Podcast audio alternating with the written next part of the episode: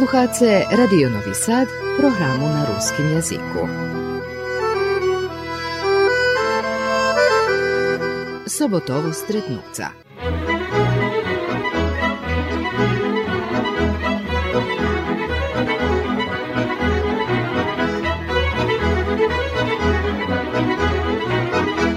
Počitovani sluhače, u nješkašej emisiji ho znam Slavko Varga, Orachovčaň. Orachovčaň. Tu si narodzený.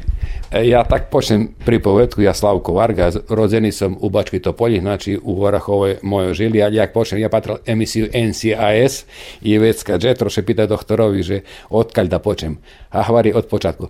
Ezer 748, nie, znači ja Ezer 960 rodzeni u Bačkej Topolji. Osnovnu školu som počal tu u Orahove, jak přehvari perše sme 2-3 dní pred, znači 6-7 roku sme mali sastanak, tu bola na druhej ulički bol, bola škola stara, ta sme 2-3 dní tu boli, Malacko Leona bola učiteljka, da še ju poznáme, učiteljka Malacko Leona, ona si pracela do 4. klasi. Posle toho 2-3 dní, jak to sme tu prestali, 18. oktober napravila škola, znači van Valalu, vychodziše zo Orahova prema Topolji, posle za drugi, to bolo 18. oktober škola i mi še ta vecka presedjeli. Tam u Lješiku za Inješka. Tam gdje i Nješka, hej, u Lješiku, za to na východ, na tak gdje už teraz, nie na východu Valala, tak gdje teraz na peršej trecini Valala, mali sme, boli sme štyri klasy, znači jak od Rusnaci, to bu nas volali kombinovane odeljenje, bilo tu veljo, znači bilo šest klasi Mađarov i jedna kombinovana Rusnacov, znači sedem klasi bilo, od toho nas bilo da 25-30 dzecoch, co še išli všetky do peršej, druhej, trecej i štvrtej klasy. My posle štvrtej klasy Rusnaci nastavili školu do Bačky Topolji. Ja bol, znači od nás tých, co naša generacija, keď ja pamätam, od našej generácii to bol doktor Fejdi Eugen Terezi u Topolji, pa Eugen na mojej ulički, vecka, znači to u mojej klasi, Đunja Marčaca u inostranstvu, ja bol i raz Jakimco u inostranstvu. Znači, jedna generacija menjej boli Fejdi, Femka, vecka, Kiš, Femka, to jedna generacija mlačih bola i boli tu, znači praktično Đuđar Slavko i to boli dva roki starši, Kiš i Ozjaki, znači od tih generacije su boli, mali smo od peršej do štvrtej klase, mi tu u školi vjedno hodzeli, pešo, autobusi nje bilo, Všetky tu okolo, z Orachova, to všetky jednozomno chodzili. Ale posle razy veci nie. Teraz už zeci, našo zeci už v inostranstvu. Takže praktično nie do Orachove 5-6, keď je, co to fakultatívno. No, ja o tým nebudem pripovedať, bo nie znam teľo, ale budem si pripovedať, budete čuť od tých, co, co znajú bardziej. Znam, že to je 5-6 zeci fakultatívno, ja ich vidím, kedy nastupame na tancu, ta vecka oni i pripovedaju i daku, da to trima konferenciju, jak bi to po naški hvareli, jebo da to voditelji i tak, ali uglavnom već i nije tu djeci. tu. A jaké vám bolo dzieciństwo? Było e, dość ruskich dzieci. Wszystko takie poszemy. My na, się pozbierali na te uliczki, dzieciństwo było prekrasne. Nie to takie rodzice, że byli bohatí, lebo nie všetci sme mali otprilike isto. To, to tých Ježiše praveli, to tých Ježiše dobili od znači, mesnej zajednici, oni odplacali ich. My vecka tuše znali, zachodzeli, bavili. Na tej našej ulički tu bola treća, štvrtá chyža odo mne. Tu bola kyžuva Slavková baba, znači kyžuva, ja ne znam, jak ona volala, i vecka deviata chyža odo mne bol Đuđar Slavko, Đuđar Pavlina i joho. Mi še tu oprez njih schodzeli, honjeli sme, učali sme bicykli, spadali sme, tam boli jaraši, tu asfaltu nie bolo, vecka kto kedy spadnul toho, že sme slavili, učali sme ho bo, vožic. Tam oprez Đuđara sme každú, tu bolo všetky deci, znači u našej ulički, tu co bolo, co boli i mađarski deci, boli tu Gabi, Zolika, Hunjadi, znači boli tu všetky vecka, boli Juhasovo, Atila, Zoli, znači naša sušedava vecka tamac. Ja bol Đunja Miko, Kišova Slavko, Jakim Kišjuhas, vecka boli tam Đuđar Slavko i jeho dva šestri, vecka boli tam Provči Eugen, Čordaš, Lado i tazi, na, na naše uličke, vecka boli druho Papugovo, Virki, zo drugi ulički, Rustaci, všetky tu boli na tih uličko, na tej ulički, mi še bavili za spima djecom, jak še hvari, bavili smo baviska, neka bije, neka bije. To lebo pomedzi dva, dva ohni. I vecka i ženi i babe vychodzeli, šmejali, še ktora še s kim bavi, tak. I ja tedy dostali jedno na hodotovi privodom také, všetky deci posekali nás dvome, trome tu ostali, ajde chlapci, ište do 3. 4. klasy zeme, ište mi zapalíme sebe cigare. Mjesece se bilo, že moja mas tedy išla po mlijeko i mnije lapela. No, eto ci cigari, ti, dobil sam jednu poza uhe i položala mi dva, tri cigari da kurim. Ja već si njemu, mne bolo muka i ochabal som. Ja odtedy nikda nekuril. Takže oni mne naučili od toho, ja naučil. Od toho nikda nekuril.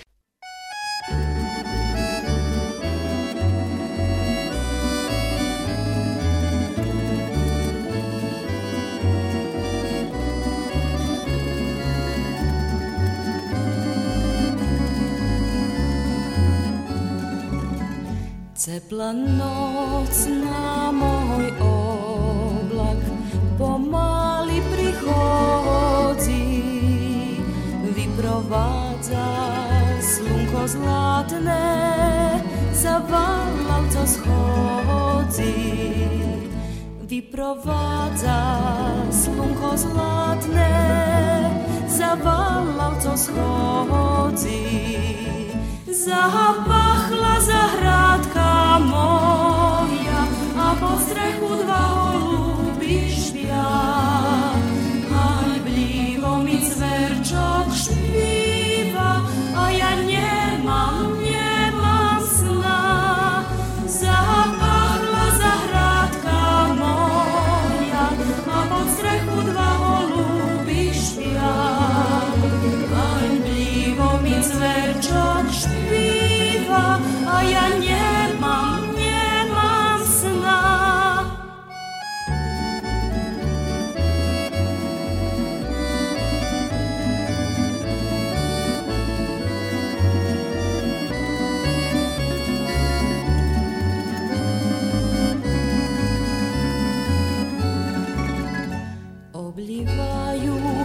Každý kúcik zarím mešacovo, jagod kedby oblapiali kvety čerešňovo. Jagod kedby oblapiali kvety čerešňovo. Zapachla zahradka moja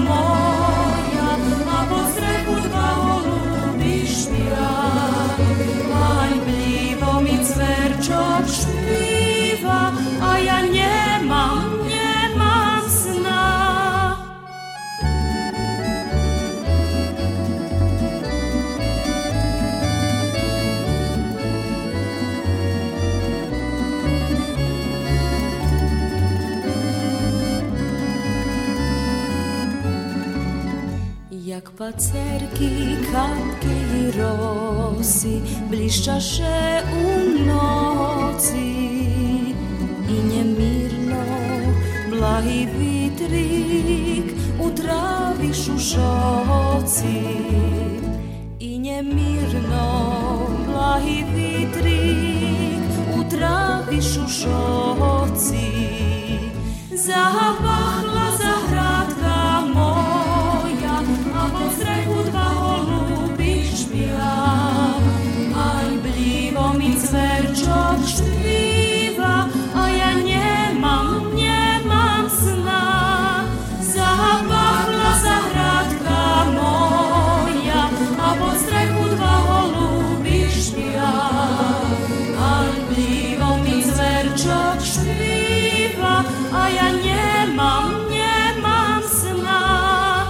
Neboli nam rodi, rodiči, že by daco barše vadzeli za šmeliše i oni i miše da zbaržuju preko seli zo, zo djecinstvom. Bilo fine djecinstvo i bilo mi tu krasne. No, posle toho še deselo, že i do školi, sme še u školi, boli mi taki, že nje naučiš već kad trimaš nos na tabli. Narisovala učiteljka Melana, nje kažnjavala nas, no, to, nam to bilo švišno. Naru, narušali tri tačkice, to viši, menši i menši. I mi namerno maseli noziće i vi šmijevali na tabli. Dah to ostal po poladnju, nje naučil, na, pomogla ona šitskim, tim je šitski mi završili dobre školi, dobre klasu i pošli sme do Topolji. I u Topolji sme mali veľjo česa, bo sme tu dosť dobre učili matematiku. Takže mi to, to ta moja generacija, znači Fejdi, Rac, Jakim, prouči Eugen. Đunja Marča, oni boli dobri i ja bol dobri matematiki. Znači, matematika nam, a često nam bolo, že nam profesor matematike bol razredni. Selaković, razredni, nas ljubel praktično. Neboli mi také, že sme še vadzeli, bavili i tak. Da kedy, jedino co mje smetalo u osnovnej školi osmi, od čtvrte do osme, to i tu u Orahove robia, ja, to nie znal. Že nie učitelje prihodza do klasi, nego mi ideme do ih klasoh. Znači, chemija še mušela u johu učite, učitelnici robiť fizika u toho učite, bo tam bolo instrumenti, već ka Volaju kabineti. kabineti, hej, geografija u toho, bo tam boli také. Od všetkých tých, ja peršej do osmej klasy bol medzi trojku i štverku, znači nebol som nebo najlepší, nebo nie. Matematiku som ľúbil, serbsky som nikda neľúbil, vše som mal dvojku. Rusinsky som učenjem do štvrtej klasy, ta ja veci ani nemal nahodu da pripovedam rusinsky, nemal som nahodu ani da čitam knižky rusinsky i také. Tu ani nebola taká biblioteka. A vecka u Topolji, keď sme tam, všetko bolo u školi. Keď sme dobili vakcíny, všetko bolo u školi. Keď sme putovali do Topolji, autobusy, všetko bolo u školi. Mali sme šťast, že sme mali autobus, Orahovo Topolja stalno. Znači tu nam pri, staval pri trafovu, jak mi ho voláme, tu pri terašnje bolnici, naša roku i staval nam pri školi tak. Od školi smo krucali napravo, tako je tu bul jedan, jedna fina pekara, tedi smo mogli falatok bureka. Korektni bu človek, bo njemali smo te dinari, že bi smo stalno kupovali, a jedan, jedan dzenj u štedziš, lijevo položiš do kišenke, tako s drugi dzenj kupiš pol bureka, ali je buli ko, to ti korektni, već kak je dobi, dobivali smo i tako dalje i pomoć kifli smo mali, takže buli korektni. To ti su tadzi kolo nas robili. Školu sme, hovorim, št- završili, jak od škola u školi, išli sme rano, do na hodinu, pol druhej sme mali autobus nazad. Bolo tu veľa autobusy, znači bolo tu na hodinu, na pol druhej, na 2 i na 2 i 15 i boli na 3 kula trans. Teraz nie teľve, teraz je može bez 2, ali taká prilagodzena škola, že praktično šorom prihodza. I tu som bol zos tak otprilike dobri, vrlo dobri, znači mám prosek ocenok za vrlo dobri, mám da jednu veci ljebo dvojku, ljebo trojku, takže še nie mohlo byť, nemohol som byť vrlo dobrý, mohol som byť dobrý so s tým, znači že som mal veći prosek od 3,70, 3,80.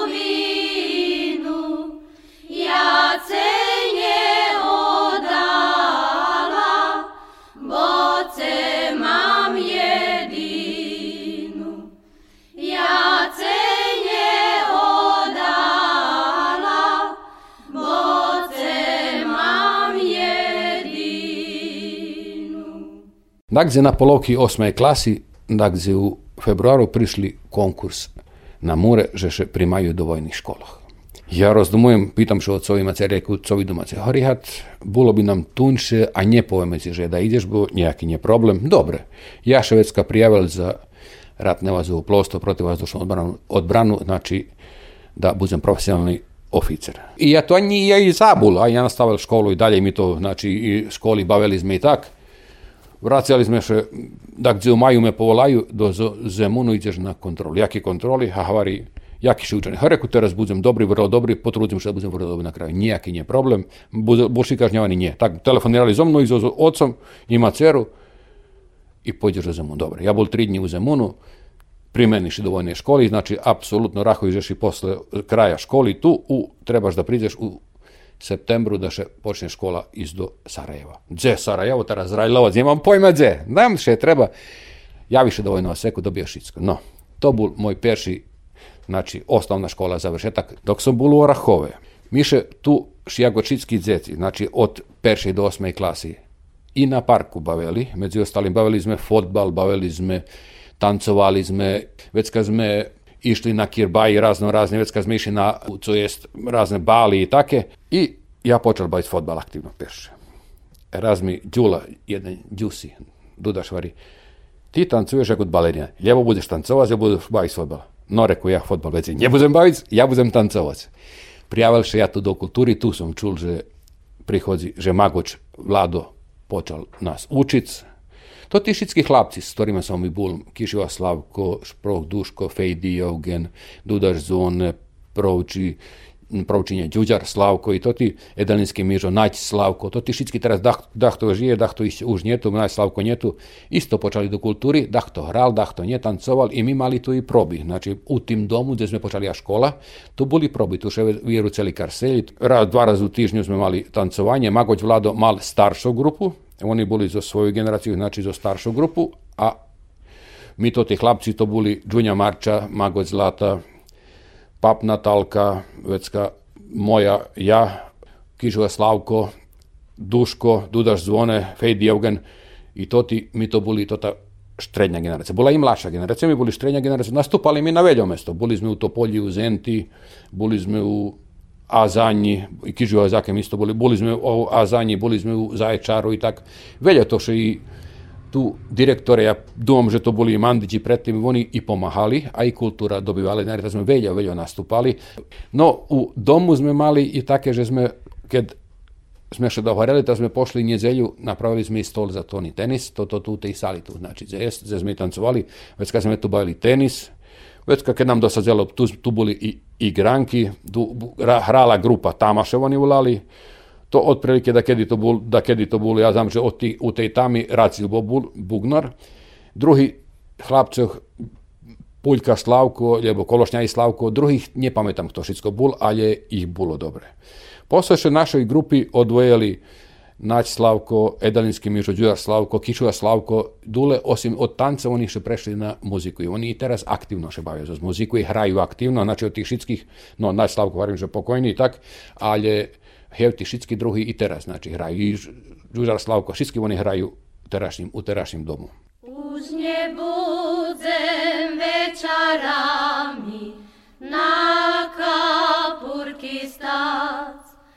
Vraće Hashem.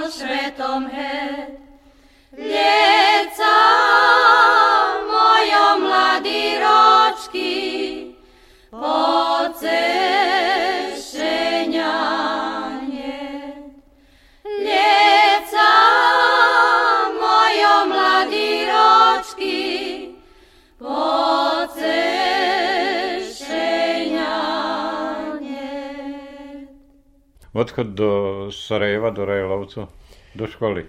Jak som prešol na lekárskych prehľad- prehľadoch, Hvarali javiše u septembru, znači praktično nije u septembru, nego da gdje u augustu, da bude 15. da še javiš do Ra- Rajlovcu, hvari toci za Sarajevom, tako i šednješ do autobusa, to do Hajzibana, lebo co poješ do Sarajeva i tam te pričekaju dobre. Ja to nie rozdumoval tak, že jak to bude, no, zos 8 sme šelli tu, u Orahovi bol autobus da 6 hodin ráno, rušili sme do Topolji, Na sedam smo pošli do Subotici, na 9 20 bol hajzivan za Vinkovci, boli sme tam na hodinu, na otprilike na tri išol zo Zvinkovcov za Sarajevo. Tu sme celú noc putovali, takže to, či bolo takú skašnenie, čo, či to veľká dráha, či to taký starý hajzvani, neznám, ale sme boli, ne, boli sme tam ráno na šejz u Sarajevu. E teraz, jaké to bolo nebitno, na, u Sarajevu nas dočekali fino ljudi, vojnici na hajzibanskej stanici, hvarali, že ja rekom, mi ideme za vojnu školu, tak všetko už hore, to bolo u uniforme, tako sme še javili, to hvarali, že hvarali nam u to poljina, uopšte moceku, že šejavice mace na, auto, na hajzibanskej stanici, oni vas pričekaju. Placali nam to, to polja drahu, všetko to bolo už hore i odnese nas do Rajlovcu i u Rajlovcu nas bilo takih, že hvare, ajde teraz všetky to ti i moji ocezi koferi sme spakovali, neznali mi co treba, nijaký nie problem. Rušali sme do pres na uchod do kasarnje, rekao, uh, teraz bude moj cali život tu, ali je dobre, budze, budze. Ošao nuka, izaše prostojiće, pametam, znači kapura, tu nas vojnici pozdravljaju, všetky hovorí, vi mladi oficiri budete prosto, izaše na ljivo, pređeš hajzibanska pruga, bo u Rajlovcu i hajzibani prenošali vojnu opremu i taki, znači bola i pruga tu nuka, toljem taki teretnik hajzibani bulali, pređeše pruga i jedan taki plato veliki jest, jedna, druga, treća, štvrta zgrada, znači tu bola god komanda i tu bola perša klasa, tu druga, tu treća, a štvrta klasa bola akademija tako dalje. No, Hari, vidite, u tej zgradi budete, teraz patrim, že keľ nás jest, pomali še pozberali. Zo celej Jugoslaviji, zo celej Jugoslaviji. Mal som pajtaša, co som bol 4 roky, znači u tej vojnej školi zo s njim. Škola jak škola, znači rano predavanja počinali, stavali sme na pol šestej. To bolo najčešće. Perši deň i tak, keď sme pošli, tako sme šmati dobili, oštrihali nas fino. Nie tak, že to natjelao, nie kulturno, oštrihali fino, znači skraceni vlasi i take. Takže to nebolo nič. No, moje otec tedy buliće videli, že dok sme dobili šmati, on ohabel vari živi, može se bustujem do polu Dženkovecka pojdete. Takže sme všetko spakovani, dobili sme hiži, dobili sme pajtašoh i mi tu pomali počinali, počali naš vojnički život. Slavko, sam si pošol otaň? Te, tedy u tej generaciji i do toho, posle toho, keď som doznal tu od oficirov, co završili zvaničnu vojnu školu, ja bol perši, ja bol podoficir, znači do štre, štrednju vojnu školu som završil, već kad bol pataki Imre, on podpukovnik, i Markuš, on isto kapetan perši klasi, Markuš pokojni u Zaječaru robil, a pa taki Arpi tu, ali on isto znači, u penziji, takže praktično trome, može bus bilo išće posle, ja ne znam, tak, od te generacije, znači 60. roku praktično ja pošol 70 5. som bol u Rajlovcu, do 80. znam, že bolo to tých trome, ich tých bolo. Praktično z Orahova to trome. Bolo. Škola vojna bola jak vojna. Rano stanješ na pol šestej, umivanje do šest, namestanje poselje na 6 i 15 kontroliše, državni oficir obavezno to pod smušku. Nije znali mi to smuška. Pride ja namesim poselje, on pušči 5 dinarošku, 10 dinarošku, ona nie odskoči, nie dobre, zasahne. Joj, co teraz zacahuje? Ukazali mi, že treba i pod dušek pocahnuti da bude so zdrotom zacahnuti. Već kad mi poslije na droda, nigde Švecija nije otpušćala, otpušćala plakta. Takže već kad posle toho, jak se hvari, stroj, frištik, na polo sme do školy. pauza na 10 smo dobili užinu, na hodinu osnovne obuka završena, već kaša ide na praktično, pomali smo i kabineti za praktično. Počim som nebol pilot, ja bol u tehničkej služby, ja voljel da budem na radaru. Mali sme kabinet za radar E6, to je taki tu već kad smo mali, co še trebalo, znači, co še robelo s raketnim, za s radarom, to je, znači, u s radarom, co še robelo, tu sme učeli všetko to stručno, već ka poludzenok, prišli domu, normalno odmaranje dva hodiny, učenje s profesorom, Znači, co ci treba, ti počneš toto i toto, on se vypituje. Takže sme museli naučiť. Nebolo to, že jak sa tu ochabice. Profesor tu, máte od toho do toho, dneška sme toto predávali, Šorom všetky.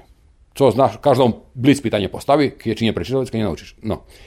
U Rajlovcu som počal tancovac, međutim, to ti tanci, co oni učili, to boli mišani. Srpski tanci kola, ja to ne ljubim. Bosanski tanci, dakle, čudni, vecka, čarnohorski tanci, isto taki kola i toto som neljubil i vecka som odustal. No, počal som vecka hodiť na sportski baviska i vježbanje, bo to sme mušeli, takže som na judovu mal žovti, trebao sam pogledati za a već kad sam še porezal, to sam nije ovdje, znači u judovu sme mali obavezno. No.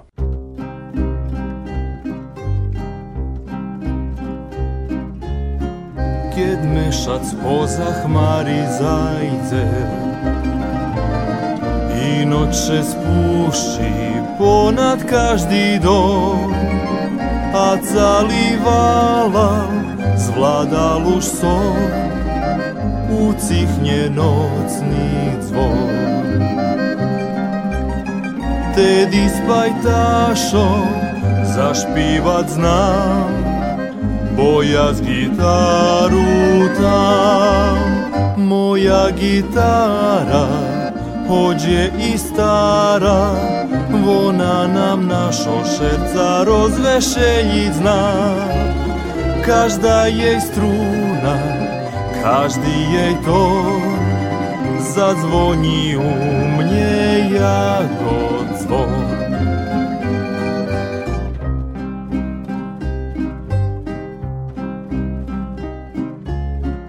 Pisnja i na zakolji suje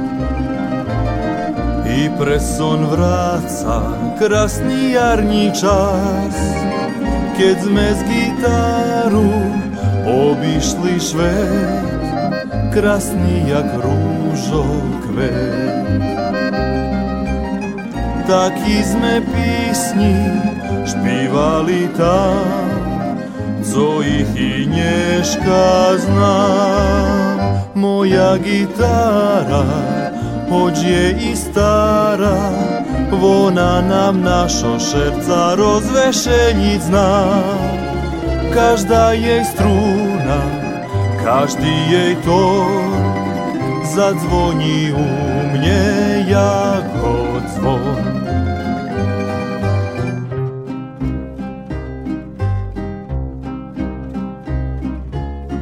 keď kohut nad ranom zašpíva. Палавши буці з глибокого сна, моя гітара уціхнуть зна, а зознювець і я.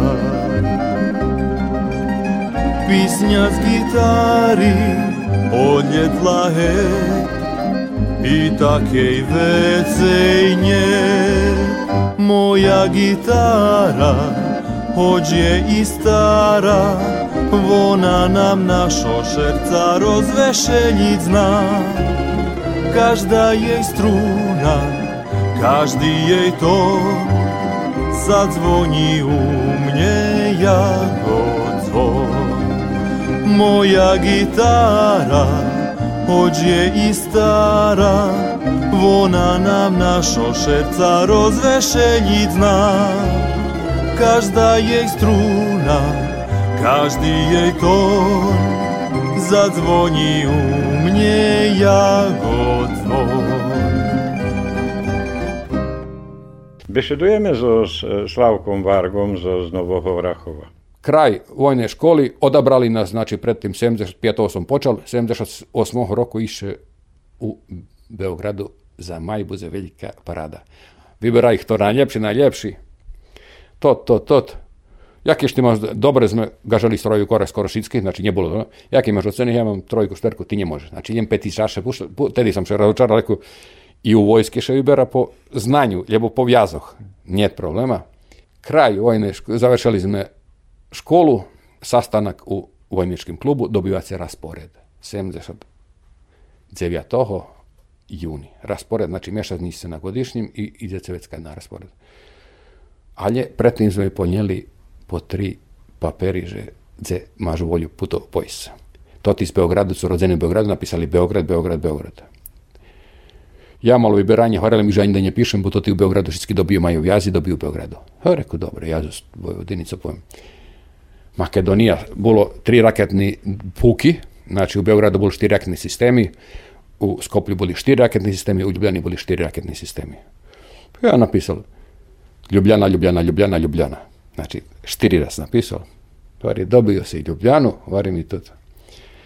Kako se zoveš? Varga Slavko. Kako te zovu? Harku Slavko Varga. Inače, rusinski šokinj. Odlično. Dobio si Logaticu. Gdje sam dobil? Logatec. Co to tera bem ti? Evo, pošao on tamo, je, jel rastaje to? Rekao, nemam pojma. Velika karta Jugoslavije, prišla, tu si Logatec.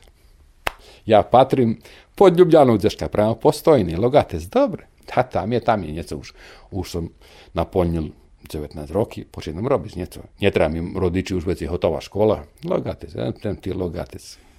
No bol ja predtým, znači u treći, čtvrti rok sam bol u Batajnici, da sam završil za raketni sistem specializaciju baš. Znači tu sme rok Batajnica, ja sam še vrastal do Rajlovcu da nam podzelja to ti, podzeljeli nam rasporedi i do Logaca. To jedan mali valal, počeo sam robiti, znači škola vojna hotova, završili i s ostancami, završili smo s momačkim, Logatec. Prizeme do Logacu, komandant stari, govori, znate co, vi co učili u školi to šitko zabuce. No, fino teraz, so teraz. Ali ti na radaru, radar, učoši S6, to ti teraz ideš na ruski radar. A mi engleski učili, ruski smo njemali jazi. E, ruski radar. R lebo P18, ja volam P, inšak je R18, znači radar 18, 18 antenima. 99, co to znači? Jebem ti R18, nije problema. Tuci Pajtaš, šefci Aljuki Džejub i Bulat Milan. Bulat Milanišak i teražije, jeho sin Bulat, poznati špivač u Beogradu. Oni si šefovani se nauče, dobro. Drugi tam pajtaš, na šest sme prišli, tedy 79. roku, to drugi na radaru Ramčić Idris, zo, kolo, zo stravniku i ti na radaru, dobro. Nas dvoma i tak sme boli dobri u cimeru, jedan u hiži i tako, ajde. Naučili mi za tri mešaci, 79. rok, za domoj keď Tito hori, u Ljubljani u bolnici. Za tri mešaci mi naučili radar. Hitno vypitovanje, mi stalne dežurstvo. Znači, co ti znači stalne dežurstvo? Okolo Ljubljane štiri raketni sistemi. Divizion bol znači komanda Puka u Vrhniki, bol raketni divizion Ljubljana polje, Šentvid, Logatici, Postojna. Bojaše, že ruša It- Italiji, Postojna je Logatec, Izu za Austriji, Ljubljana polje i Šentvid. 20, 36 godini sam bol dežurni. Znači, posle tri mešaci. Mi tako počali, dok Tito nje umr, posle toho še prestalo. Takže som 8 hodiny bol na radaru, stalno robil na radaru, pracel avioni, pracel podatki, 8 hodiny som spal na radaru, me kolega menjal, znači keď treba dvo, pakovať da še seljime, to tako momentalno, i 8 hodiny som bol dolu u a u konzaleriji tam odmaral še popil kafu i tak je poludnjoval i već kad zaš nazad. Ta 36 godina sme, tak tri mešaci. Všetko bolo tu i placené, bolo všetko dobre. Tu keď si hladný bol, to všetko mohol si, mohol si skoknúť. No, napravili mi tam i, znači, do tých stvari to trebalo poľské veci tak. Všetko to bolo. Znači, ale to nie také mande, že to si, u, tam gdje radar, logatec na samim 500 metri na ruskej visini na brehu, a toto ešte bolo 200 metri vecej. Keď bola žima, tak sme še spúšťali po lesu, spúšťovali nás so sajlami, da sme še spúšťali. Ja vožal jeden kamion, pajtaž môj druhý kamion, radar Aero 18 má dva kamiona. Jedan má za anteny, a drugi ima za kabinu. I dva agregati, to što zakovači i već kad se spušćuješ. Takže mi mali veljo vežbi, veljo še seljeli, veljo sme robili. To od 79. do 91. roku, kad sme počala vojna.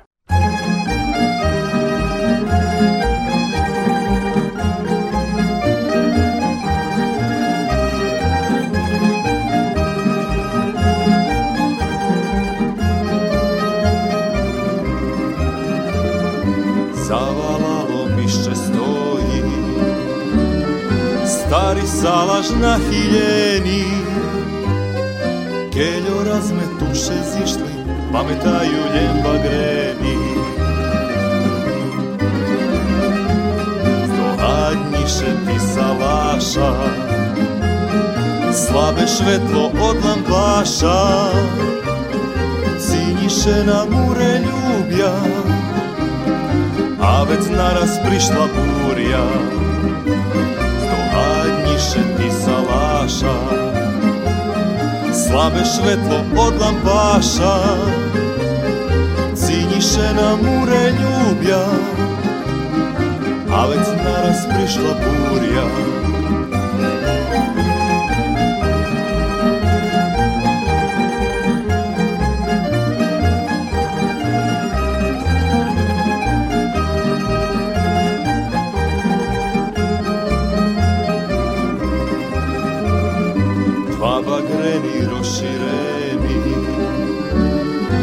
Na salašu nas čuvali A mi dvojo zaljubeni Jedno druge milovali. Zdohadnjiše ti salaša Slabe švetlo od lampaša. Cinjiše na mure ljubja a već naraz prišla burja niše ti salaša. Slabe švetlo od lampaša. Cinjiše na mure ljublja. A već naraz prišla burja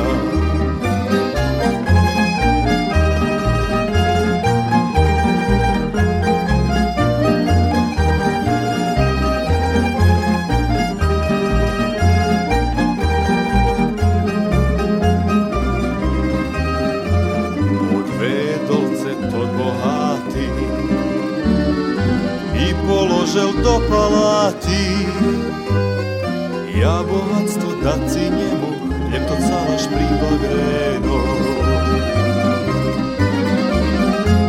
Stohadnjiše ti salaša Slabe švetlo od lampaša. Cinjiše na mure ljublja a već naraz prišla burja. Zdohadnjiše ti salaša Slabe švetlo od lampaša Cinjiše na mure ljublja A već naraz prišla burja Pošol si jak Legiň do Slovenii, že už mal familiju. Ja ani familiju, ani som nemal dáco pajtašok i také praktično ja bol otarnutý zo Orahova, otarnutý zo Stopolji.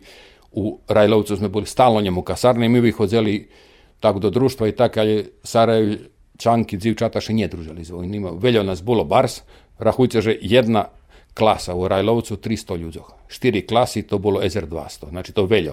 Akademija 3 klasy to ih će SR 200. Tu bolo strancoh, tih akademcov, co prihodzeli i Libija, Irak i taki. Oni mali dinari, oni dzivki pozberali jaki sele, a mi, jak še hvari, šejtali okolo, patreli, užival sam u Sarajevu, krasno, valal njeco, varož njeco. Keď som dobil logatec, već kad sam u kasarnji bol šest mešaci spal, Nemali sme već kad nam dali, napravili smeštaj, tak sme dobili garsonjeri. Perše privatno u vrhnike, već kad nam na- dali garsonjeri, tak nabezbezeli nam, že da možemo za, a mi zos mali dolu logatec hore, kasarnja, dolu autobus, mi za 10 minuti boli u kasarnji. Vše sme mali državnu smenu, vše. Znači, praktično mi robili tak u Logatcu, že ja ani nemal mogućnosti da porodicu zasnujem tak. Sedem dní som bol dežurný, u borbenej smeni stalno dežurný, znači u kasarnji, ne vychodzeš nigde, zavartiš i stalno si na radaru.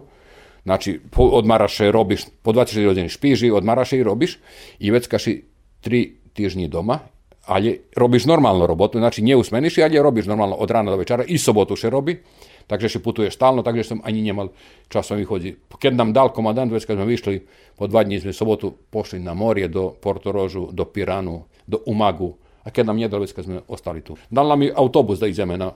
Takže praktično nemal som ani porodicu, ani som nebol oženený, ani som nemal dzivku tu, keď som pošol tak. No.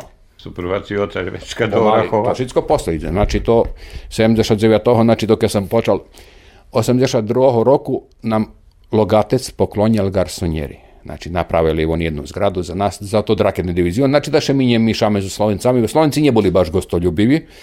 Všetci korektni boli s nami. Oni všetko bolo korektni, pošteno i oni prihodzeli do kasarnje i mi išli do njih, keď nam trebalo variť dajaki kotlići, dajaki pasulju i tako. Všetko oni bili korektni, ali je na odrezene. Znači njema oštiti vojznuka, dobri deň, treba mi to, to na kafu, na kapurici, tu je doviđenja Njemac u kafe. Znači také.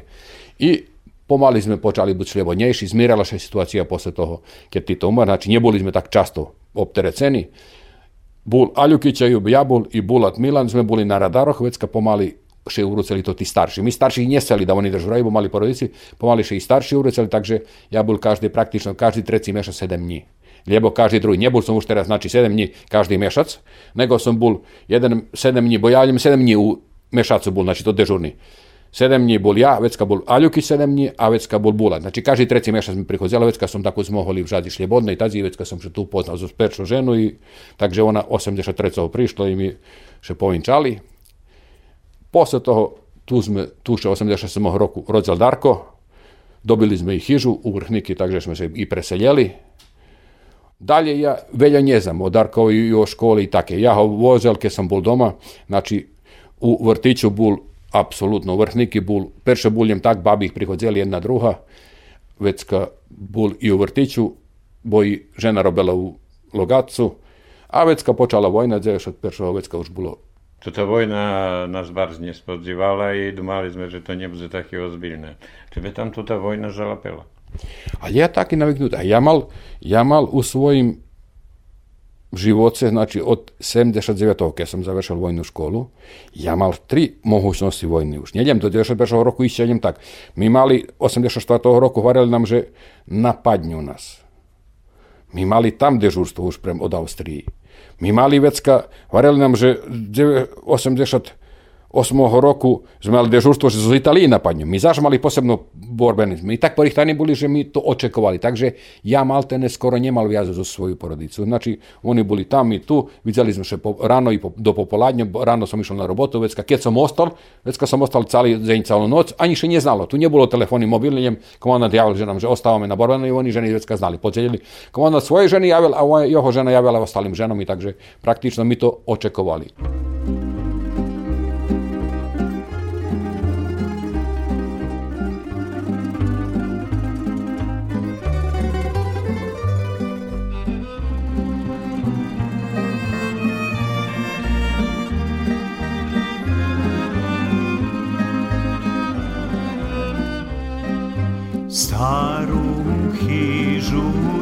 bezecístva každej noci preson hľadám. Celý švet, keď bym dostal, starú chyžu nikda nedám. Perší kročaj ku tej chyži, molitva i ľubov dávna.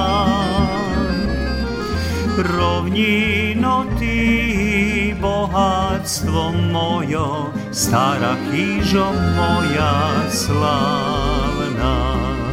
Perši kročaj u tej hiži, molitva i ljubav davna. Rovnino ti bohatstvo mojo, stara hižo moja slavna.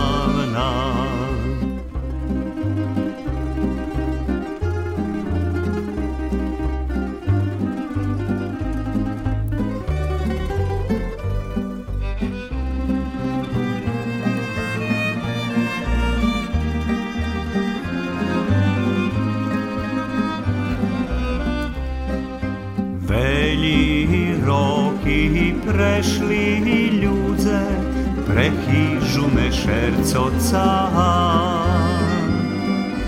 U cudziny často šnijem, že me domu vozi dráha. Perši kročaj u tej chyži, molitva i ljubov dávna. Rovnino ti bohatstvo mojo, stara hižo moja slavna. Perši kročaj u tej hiži, molitva i ljubav davna. Rovnino ti bohatstvo mojo, stara hižo moja slavna.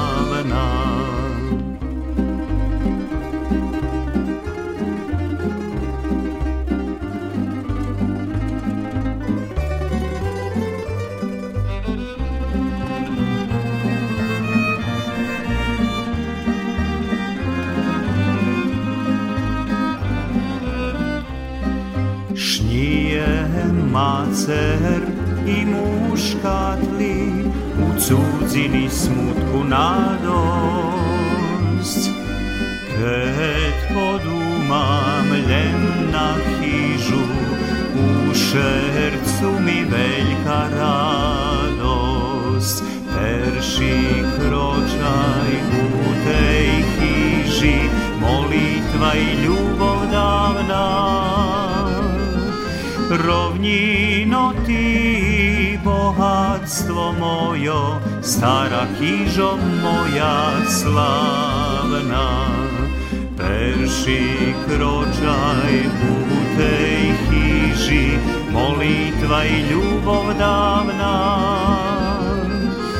Rovnino ti bohatstvo mojo, stara hižo moja slavna.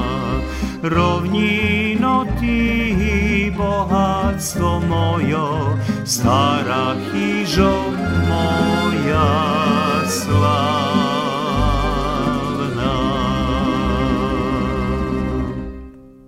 Tu u Sloveniji še ta, to ta vojna tak desela, že ja prišao rano še prebudzim i še nikto nie znal nič, otvorim dveri, a na dveroch kríž. Co to kríž? Tak x napravený. Co to nič ne znači? Dobre. Pojdeme do kasarne, hovorím komandant, že Slovenci coška spre, spremaju. Ja vtedy už zo radara prešiel na takú druhú dužnosť, medzi ostalým pošol som da budem intendant i také, treba da idem do vrchniky. To logate z vrchnika, uželi sme hranu, počím vrchnika nevarela, uželi sme hranu i tak i ja pojdem do vrchniky, čujem na razlasu, na rozlasu, na radiju, že mojho pajtaša z vrchniky poslal, pošli na Brnik, na aerodrom, so stenkami, jakiši avion seli lapico kradnul, prinošao Slovencom oružje. I napadli ho, teritorijalna odbrana. Napadli ho. I to mi javilo tako že hranu si dobil, si sledovanje za tri dni, všetko se trebalo, pa išli nas do kasarnje. Mi pošli do kasarnje i od tedi sme tri mešaci blokirani boli. Znači ja, domanje, žena u međuvremenu pozberala Darka povolala jako ošik rodzinu, nie poviem, že to môže byť bratňak, boli také, ale človek, ktorý bol blízka rodzina i oni pošli i privezli ich nazad. Vecka posla žena pozberala tu brat, brata, dom, že Mižo bol ešte, i Mire ešte troška i pošli, spakovali stvari, tak oni privezli tu stvari. Ja bol u kasarni tri mešac celkom. Nebol som ani doma nič, jednostavno neznal som. Ani nikto nie javil nič za njih. Takže oni tu prišli i tu ostali. Javili mi, že sú Orachove Dobrovecka, eto. Situacija bola taká dosť ozbiljna, keď je to po televiziji mohlo vidieť. Taká situácia bola, že môj pajtaše na radarský systém, nebo raketný systém. To také, že jedna kabina má 4 lancine rampy, u kabiny je 8 ľudzoch a lancine rampy rakety stoja na lancinih rampoch i blokirani sme zo Sloveniju, kapura zavarta naša, oni počali štreljati na nas. A môj pajtaš Džajić vari, keď nastavíte štreljanje, mi zo raketu mi možeme gađati z avioni, možeme i cilje na žemi gađa. Stvari, mi pogodzime benzinsku pumpu logacu. Obezpečite, že ženi môžu pojsť do, od nás z kasarne, vari dobre. Ale vari, máme mi problema, nemame vody, bo to na brehu, pumpa dolu, oni zavarli vodu i nije ide voda do logace kasarne. Nije problema. Mi pošljeme človeka, automehaničara zo cisternu i zo vojnikom, strašný človek. Blokirali, hovorí, vaša cisterna naša veci, ne može pojzi, ne dáme vám vodu, nič. Dobre, ne dáte, ne dáte. To človek ostal, živi je živi, Znači, Boris Zinčak bol z Logaca, on automatičar strašný, takže oni varali, že ja keď pojdem, nečekajte me, mne nezabiju, bo znaju, a keď treba, ja prinešem vodu, korektni bol. Znači, Slovenci aj jeden nije odustali, nego ih naterali to ti terorizovaci. Mali mi išće i da i išće meša sme mali jedno, dvoch ložačov, z jednoho routa se valala. Slovenci boli Mihevc Boris, Kemalne stane. I oni prihodzali dalje, znači do našej kotarnici, tak da pomahaju da se loži topi tak. Ale zabrinjali mi zdravo. Takže bolo, blokirani sme boli, bolo štreljanja na nas, bolo, nemali sme vody, nemali sme struju, mali sme agregati, mohli sme robiť mi sami, nemali sme hrany, bolo tam sarni, bolo tam jeleni, také zabivali sme i klali, pakovali, vodu sme rešavali tak, že najhoršia bola voda. Nemaš kúpanie. To pravi smo boli četnici, ako varia to ti Serbi. Brada, bajusi, škrabeš, njemaš kupanje. Bolo u kamionoh, keljo, nekeljo vodi, dok smo mohli vicahno, vicerpali, vicerpali, to boli to ti kamioni, to še mohlo postaviti za kupatila, bo mali oni kupatilo, hreja on vodu, nje problema, tam stope je šatka. Kad už to nje bilo vodi, to sme. Žali sme to ti najlonski ABHO zaštitni ogrtači, na tri mjesta, počem on trouhlama, ja go na tri mesta sme meterovi paličky zabili i zavezali to tí trouhelníky na vrch, dolu do štretku, do štretku položili jeden kameň i dzirku napravili i pod kameň vykopali, položili plastične fľaši. Ráno na 3 hodín cipolná fľaša, na 4 hodín druhá fľaša. Znači mal 4 litry za jeden deň. Keď si nesta, nestanul, ono še osuši. Znači mušaš, všetky stavali tak, že každý mal svoj deo, svoj rejon, mali sme vody. Praktično Napravili sme i za kafu, mali sme već kašicku. Znači, keď sme ešte pomaly znašli, takže tri mešaci mi boli bez ičoho. To ti nič nedostavili. No, posle toho bolo dohovarka, že kao dostavia nam hljeba i také, potom se nič neznačalo. U ratnih rezervoh jest hrana za 15 dní, počím bola i kantina, tu i kuhnja, mi mali duplo, znači praktično 30 dní sme mali, všetko ostalo sme še snahodzeli, praktično vecka. Vecka počali prinošiť so helikopterami zo vrchníky, bo i tam bola blokáda tenkovské brigady, mada to tam mohla brigada napraviť zdarma Rusovani. Nikto nie naredzal, oni stanuli tam, dako zišli, dako z išli, takže i oni še na kraje pocahli. Ostali na Hajzibanu Hulogacu. Niebo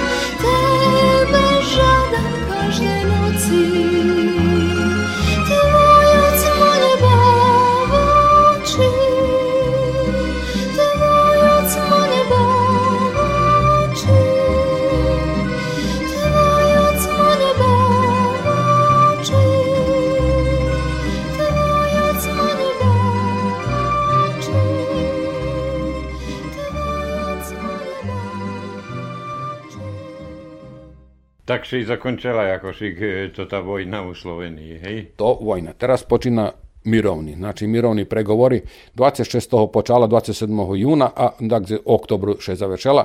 Dozvoljeno nam bilo da za logacu prinošime hranu, dozvoljene vodu, ali je da ostavimo oružje teritorijalne odbrane. A nama nižnje načelo bo dva gari bilo tam zagnuti, a njimi nje patreli. Oni i tak predtem ih vinjali to ti oružje, takže mi to nje boli, to boli tam automatski puški, jakeši NGV, jakše hvari gorenje, lebo z toho, z, a dom, že su za Sudano, lebo Saudijska Arabija ti puške, ali nebitno uopšte, oni imali svoje druge oružje, oni to i pre tim takže...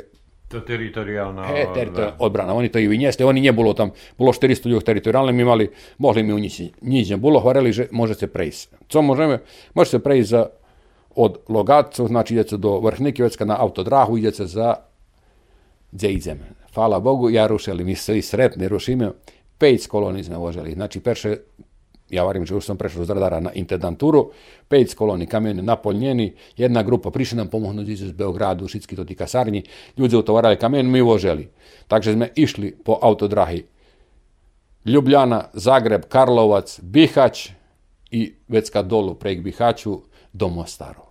No, tu bolo vecka zadnja tura, už nie dajú da, ja vožim jaký tam šlep kamionu, što to všetko už vytovarené, ići tam tako kakvi stvari, zadnja tura už veci nie dajú, bosanci.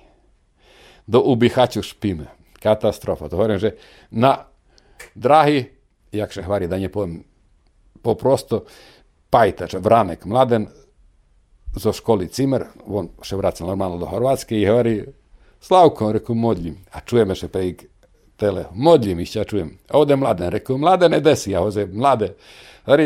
Na, nagradno pitanje, reku, slušam, a to prejk to ti. Koja reka teče iznad Savskog mosta? Reku, ti si pogrešio, ispod, još malo, kaže, bit će iznad. A mi prejih Savskog mosta, tazi bosanski šamac treba da preji zemlje. No, reku, dobro nam govorili.